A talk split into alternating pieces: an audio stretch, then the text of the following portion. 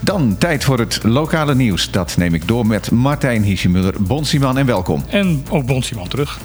Afgelopen vrijdag was er een persconferentie waar ook de woningsituatie op Bonaire aan bod kwam. Hugo de Jonge heeft daar veel vragen over moeten beantwoorden. Wat is er eigenlijk uitgekomen? Jij was daarbij.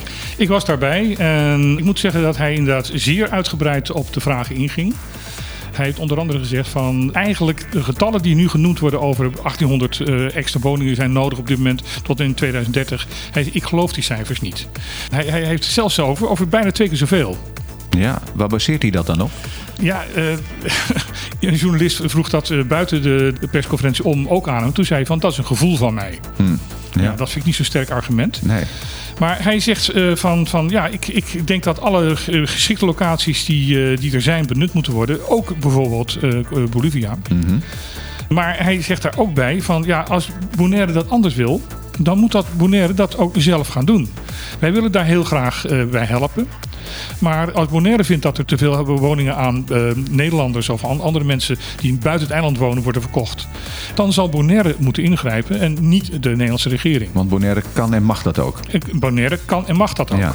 Is ook de situatie van de uitgifte van erfpachtterreinen aan de orde gekomen? Want dat kan natuurlijk ook een wezenlijke bijdrage aan de oplossing van het woningprobleem zijn. Hij is ervoor om de problemen rondom de uitgifte van erfpacht zo snel mogelijk op te lossen. Want hij zegt ook van ja, als mensen de kans krijgen om zelf een huis te bouwen, dan wordt het betaalbaar. En dat daar dus ook de, de alle idiote problemen die er op dit moment uh, rondom zijn, zo snel mogelijk moeten opgelost worden. Ja, al met al had jij wel de indruk dat hij echt bereid is om hier zijn bijdrage aan te leveren. Hij is bereid om zijn bijdrage te leveren. Hij was ook daar serieus in. Ja, er zijn natuurlijk dingen waarvan je denkt van ja, waarom zeg je dat zo? Bijvoorbeeld, ik stelde een vraag over het probleem met de reizende de zeewaterspiegel.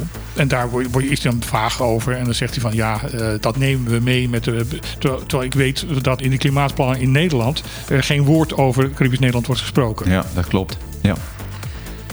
Dan even naar plantage Bolivia. Je zei het net al, als het aan Hugo de Jonge ligt, zouden ook daar een aantal nieuwe huizen gebouwd moeten kunnen worden.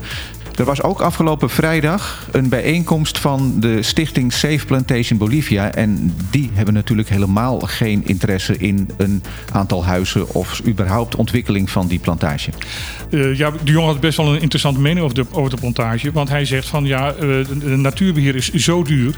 Dat, uh, dat kunnen wij niet als overheid in ons eentje doen. Daar zullen we ook particulieren bij nodig hebben. En dus als de eigenaar van Bolivia dat wil gaan, gaan betalen door huizen neer te zetten, dan is dat misschien wel een mogelijkheid. De stichting Safe Plantation Bolivia heeft daar een heel simpel antwoord op. Die zegt van jongens, die natuur hoeft helemaal niet zo onderhouden te worden. En dat hoeft helemaal geen geld te kosten. Er hoeft alleen een hek omheen te gezet te worden, zodat de grazers daar niet meer kunnen zijn. Want die vreten de boel kaal. Die vreten de boel kaal. En op het moment dat die grazers daar niet meer kunnen komen, herstelt de natuur zichzelf. Ja, en die grazers zijn de geiten en de ezels. Ja. Ja. ja. Volgens mij hebben ze ook gezegd dat het geen kaal gevreten band is op plantage Bolivia. Hebben ze dat ook laten zien met, met, met beelden of foto's? Um, je moet inderdaad een beetje deskundig zijn om te weten van dat dat heel bijzonder is.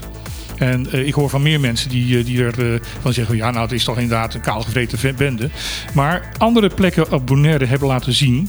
Als je daar, hè, bijvoorbeeld Stichting Echo heeft een, een aantal uh, terreinen ook omheind.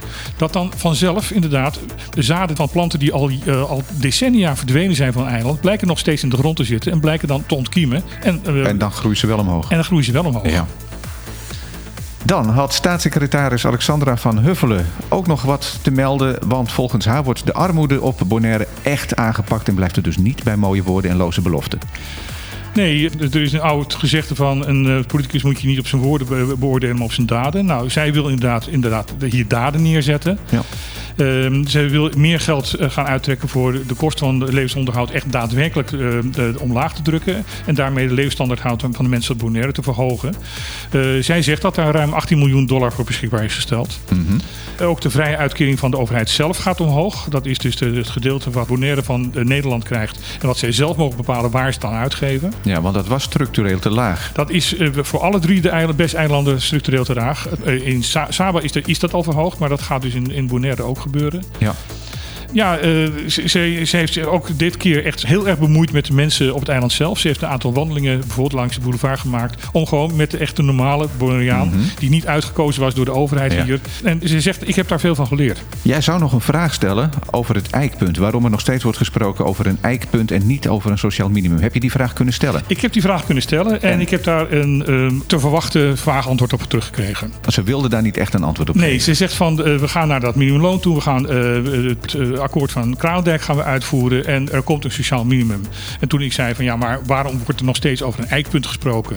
Ja, we moeten toch ergens aan eiken.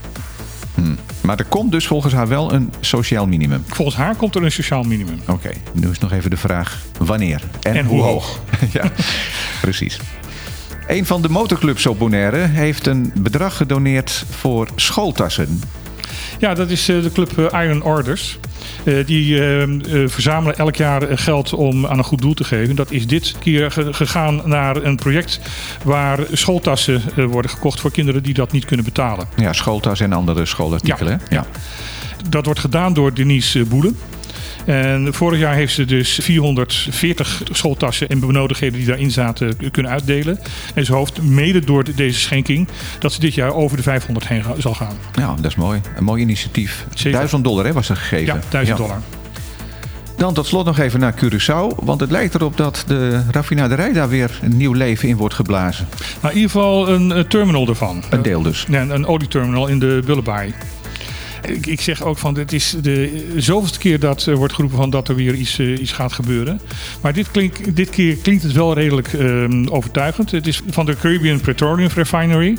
Dat is een uh, consortium van zes Amerikaanse en Braziliaanse bedrijven.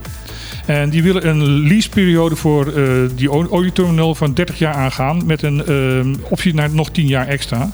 En daar zou 650 miljoen dollar mee gemoeid zijn. Ook uh, werkplek voor 800 mensen. Dat is een fors aantal werkplekken. Ja. Nou, dan wachten we af of dat gaat gebeuren. Als het doorgaat, dan is dat ergens begin volgend jaar, hè? Ja. ja. Oké. Okay. Dank voor je komst, Martijn. En graag weer tot morgen. Tot morgen.